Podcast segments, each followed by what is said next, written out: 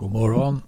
Det har ju nyligen varit jul. Så jag sitter och funderar lite här på hur de fyra evangelisterna Matteus, Markus, Lukas och Johannes skildrar Jesu födelse. Hans inträde i historien. Och då är det att märka att det är faktiskt bara två evangelister som skildrar Jesu födelse. Och det är Matteus och Lukas.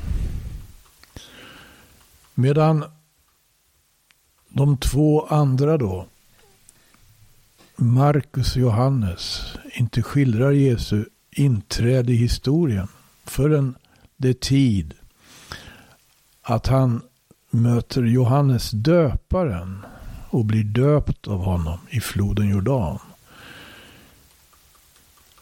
Jag tänkte titta på just de här evangeliska berättelserna i Matteus. Om vi gör en jämförelse generellt mellan Matteus och Lukas som skildrar Jesu födelse. Då han föds som ett barn in i historien. Så kan man säga att Matteus eh, han berättar om hur Josef blir förvarnad om detta. Maria är ju, är ju redan havande.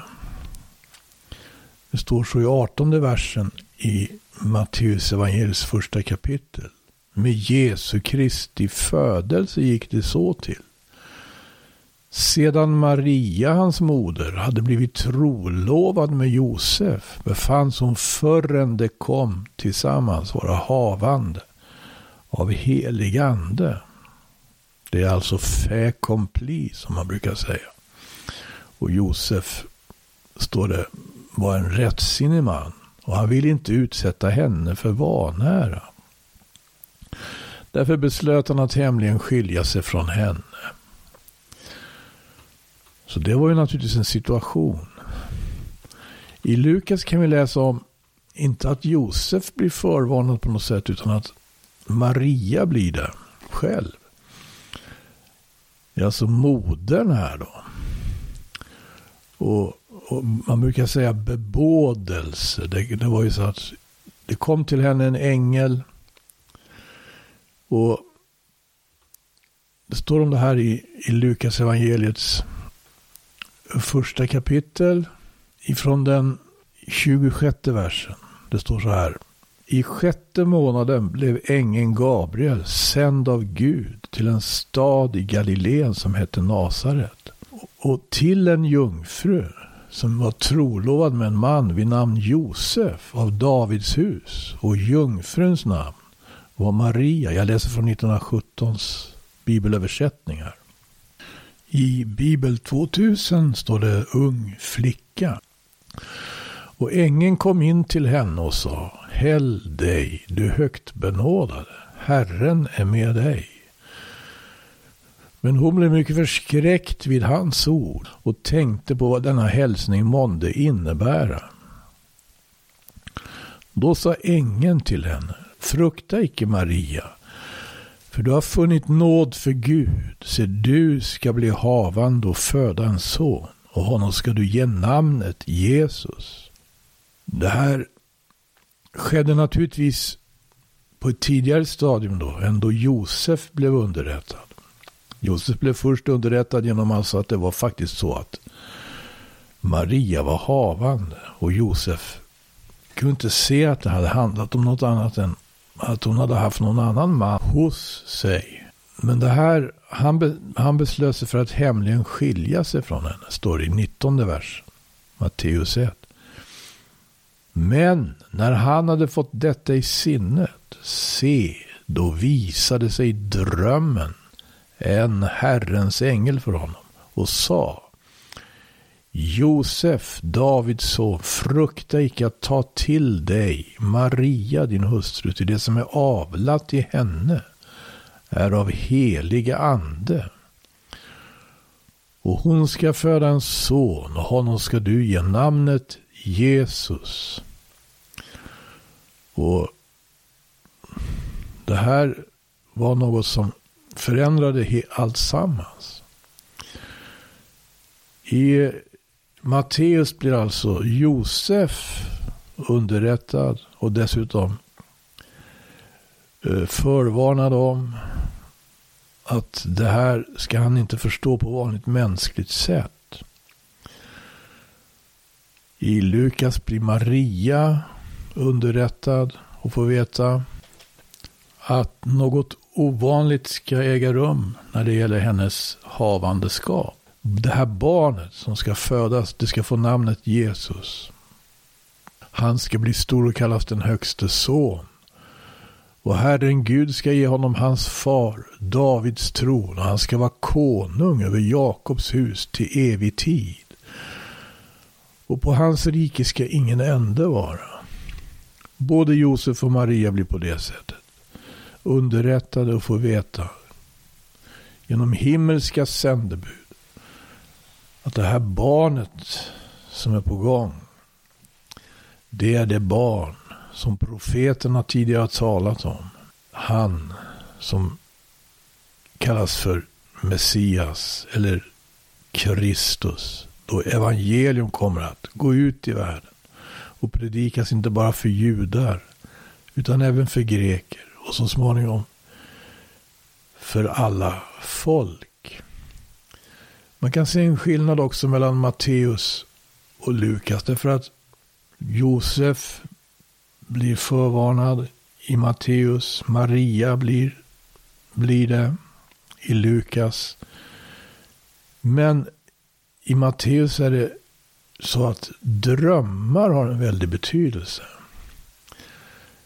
Det är så att de himmelska eh, sändebuden uppenbarar sig för Josef i drömmen. Varenda gång han får, en, får ett änglabesök så sker det i drömmen.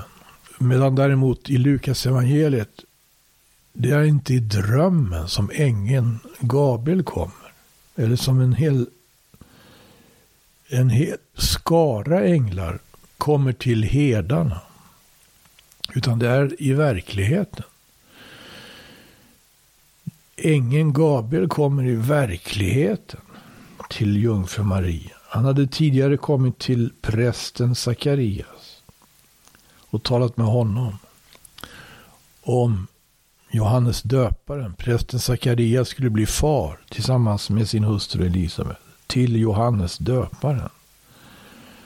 Maria skulle bli mor tillsammans med sin trolovade då till barnet Jesus.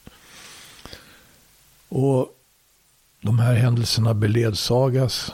Den här händelsen, då, den här stora händelsen, beledsagas av underbara ting. Det kommer vise män från Österns länder, läser vi. I Matteus, det, det vägleds av en stjärna. Och i Lukas så kommer herdarna utifrån marken. Därför att änglarna har uppenbarat sig. Vad är det som gör att det bara är Matteus och Lukas? Och det är ju inte så få med tanke på att det bara finns fyra evangelister. Som, som, som berättar om det här. Hur Jesus kommer som ett litet barn. Markus går direkt in. Då i berättelsen om Jesus då han har blivit fullvuxen. Det står så här i Markus evangeliets första kapitel. Detta är begynnelsen av evangelium om Jesus Kristus, Guds son. Så är skrivet hos profeten Jesaja. Se, jag sänder ut min ängel framför dig och han ska bereda vägen för dig. Hör rösten av en som ropar i öknen. Bered vägen för Herren. Gör stigarna jämna för honom. I enlighet härmed uppträdde Johannes döparen i öknen och predikade bättringens döpelse till syndernas förlåtelse och hela judiska landet och alla Jerusalems invånare gick ut till honom och lät döpa sig av honom i floden Jordan och bekände därvid sina synder. Och Johannes hade kläder av kamelhår och bar en lädergördel om sina länder och levde av gräshoppor och vildhonung. Och han predikade och sa, efter mig kommer den som är starkare än jag. Jag är icke ens värdig att böja mig ned för att upplösa hans skorem. Jag döper er med vatten, men han ska döpa er med helig ande. Och det hände sig vid den tiden att Jesus kom från Nasaret i Galileen och han lät döpa sig i Jordan av Johannes. Nu alltså som fullvuxen man som bara går rätt in nu i sin gärning. Och i Johannes evangelium så är det faktiskt rent historiskt på samma sätt. Det börjar med Johannes döparen. Men det börjar Johannes evangeliet på ett förundligt sätt ännu tidigare. Därför att det heter så här.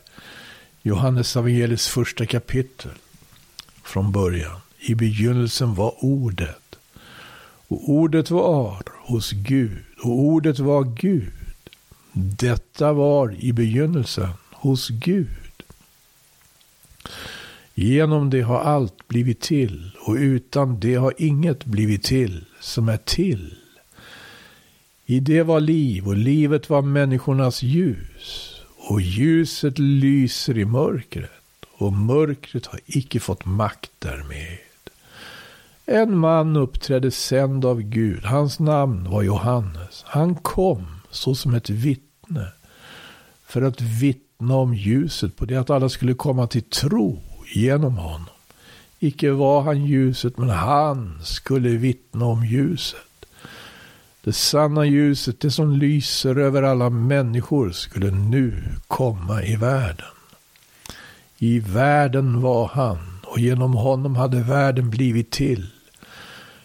Men världen ville icke veta av honom. Han kom till sitt eget och hans egna tog icke emot honom. Men åt alla dem som tog emot honom gav han makt att bli Guds barn, åt dem som tror på hans namn.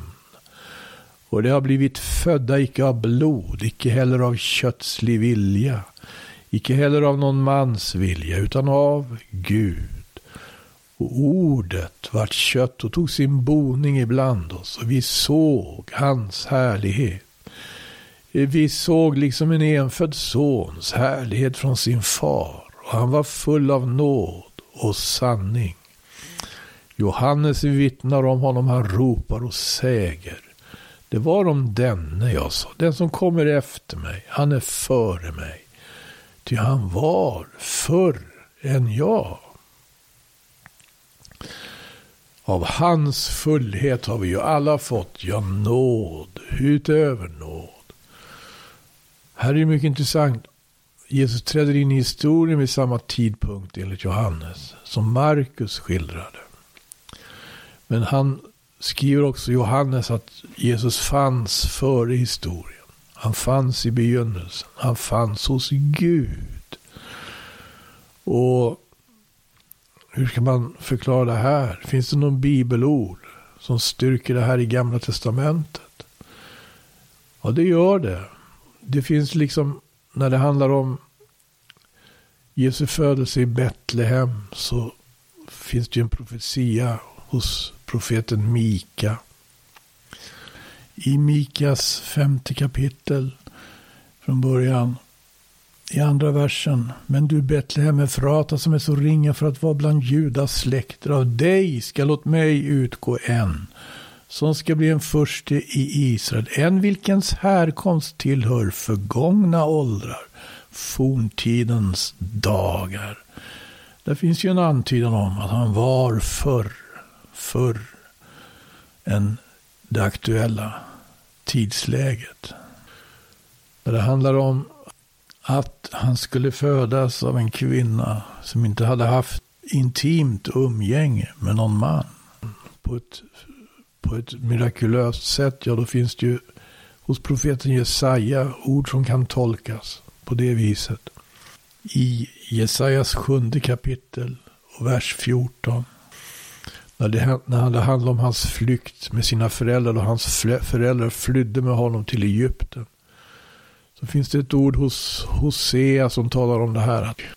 Det påminns om i Matteus evangeliet i femtonde versen, ja. i andra kapitlet, i fjortonde versen.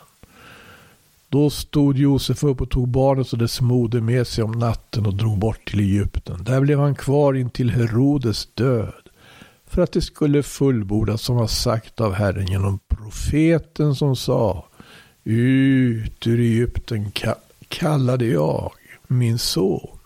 Och det är Hosea helt riktigt, kapitel 11 i Hoseas bok i första versen. Ut ur Egypten kallade jag min son. Det här är ju en av många profetior. En, en, prof, en profetisk psalm som åberopas av Jesus själv så småningom. Och även av hans apostlar. Och särskilt av den som har skrivit Hebreerbrevet. Det är ju den 110 salmen i Saltaren. Vad finner vi där? Jo, i den 110 salmen i Saltaren. Det står så här. Herren, står det från början. Herren sa till min herre. Sätt dig på min högra sida. Till dess jag lagt dina fiender dig till en fotapall. Din makt spira ska Herren uträcka från Sion. Du ska härska mitt ibland dina fiender. Villigt kommer ditt folk när du samlar din här. I helig skrud kommer din unga skara inför dig. Så som daggen kommer ur morgonrodnadens sköte. Herren har svurit och ska icke ångra sig. Du är en präst i evig tid efter Melkisedeks sätt. Herren är på din högra sida, han ska krossa konungar på sin vredes dag. Han ska hålla dom bland hedningarna, överallt ska döda ligga. Han ska sönderkrossa huvuden, är vida omkring på jorden. Ur bäcken ska han dricka på vägen, därför ska han upplyfta huvudet. Det här är en märklig psalm. Det är så att Jesus själv påminde om den. Och, och, även tror jag apostlarna Petrus och Paulus. Just den första versen här. I alla fall Petrus i sin predikan i Apostlagärningarnas and, andra kapitel. Herren sa till min herre. Sätt dig på min högra sida till dess jag lagt dina fiender dig till en fotapall. Jesus, han åberopar ju den här salmen. Det kan vi läsa om i till exempelvis Matteus evangelis 22 kapitel. Då han har sina, då han har, då, då det är väldiga diskussioner där. Med överstepräster och skriftlärde. Det står i slutet av kapitel 22 att Jesus efter diskussioner om, med dem, med det skriftlärde, flera, i flera frågor, och vänder sig till dem, ställer en fråga, vad syns er om Messias? Vad menar ni när det gäller Messias? Vems son är han? Det svarar honom direkt, Davids. Då sa han, då sa Jesus till dem, hur kan då David genom andingivelse kalla honom Herre? Han säger ju, Herren sa till min Herre, sätt dig på min högra sida, till dess jag har lagt dina fiender under dina fötter. Om nu David kallar honom Herre, hur kan han då vara hans son? Och det står ingen förmådde svara honom ett ord. Och inte heller drista sig någon från den dagen att vidare ställa någon fråga till honom. Det var tydligen väldigt, väldigt, eh, det var chockerande det Jesus hade att säga. De kunde inte säga emot. Jesus på ett sätt distanserar sig då från David. Inte den meningen att han är som människa i köttet inte skulle vara född av Davids säd, för det, det var han ju. Det är han kan vi säga. Det, det är ju vad att exempelvis aposteln Paulus skriver i Romarbrevet. Men att han skulle vara som David och vara en, en, en, en konung som David. Det är väl det kan jag tänka mig. Som han så att säga reserverar sig för. Och inte bara det. Hela hans väsen är ju helt annorlunda. Även om David på, sätt, på viss, viss, vissa områden påminner om Jesus. Så är han i alla fall inte Jesus. När Jesus är helt annorlunda. Han tog aldrig till svärd som David. Han förde inte krig som David. Han utgöt inte blod som David gjorde. Han förde ju ett annat krig vet vi. Han förde krig mer direkt riktat mot de onda makterna. Som har förfört människorna. Mot Satans rike. Sen kommer den här versen i 110 salmen där det står i fjärde versen att Herren har svurit och ska icke ångra sig. Du är en präst i evig tid efter Melkisedeks sätt. Det är ingen av Herren själv går inte, tar inte tag i den biten och ingen av apostlarna som är kända till namnet. Men Hebreerbrevets författare, om det är någon av apostlarna eller vem det nu är, han tar ju verkligen fasta på det. Och han skriver om det överste prästliga ämbetet som Moses stadgat om. Och han jämför det då med det här att vara präst efter Melkisedeks sätt. Och det står i sjunde kapitlet i Hebreerbrevet att Melkisedek som var konung i Salem och präst åt Gud den högste gick Abraham till mötes när denne var stadd på återvägen sedan han hade slagit konungarna och välsignade honom. Varvid Abraham å sin sida gav honom tionde av allt. Ja, det här kan vi läsa i första Moseboks 14 kapitel. Denne som när man uttyder vad han kallar sig först och främst rättfärdighetens konung, men därjämte också Salems konung. Det är fridens konung. Denne som står där utan fader, utan moder, utan släktledning, utan begynnelse på sina dagar och utan ände på sitt liv och likställes med Guds son. Denne förblir en präst för beständigt. Denne förblir en präst och se nu hur stor han är. Denne åt vilken vår stamfader Abraham gav tionde av det förnämsta. Bytet. Så är alltså Jesus inte en präst efter Arons sätt. Utan en präst efter Melkisedek. Så Melkisedek är en gestalt alltså som är eh, himmelsk. Som ger en riktig föreställning om Jesus. Som det går att ta fasta på. Vem, hurdan och vilken världens frälsare kommer att vara. Han är en präst efter ett löftesord. Det löftesordet finner vi här i psalm 110. Jag funderar också nu på sista delen av salmen. Jag tror att den är också väldigt viktig. Det står Ur bäcken ska han dricka på vägen, därför ska han upplyfta huvudet. Vi kan tänka på förra torsdagens program om Massa och Meriba.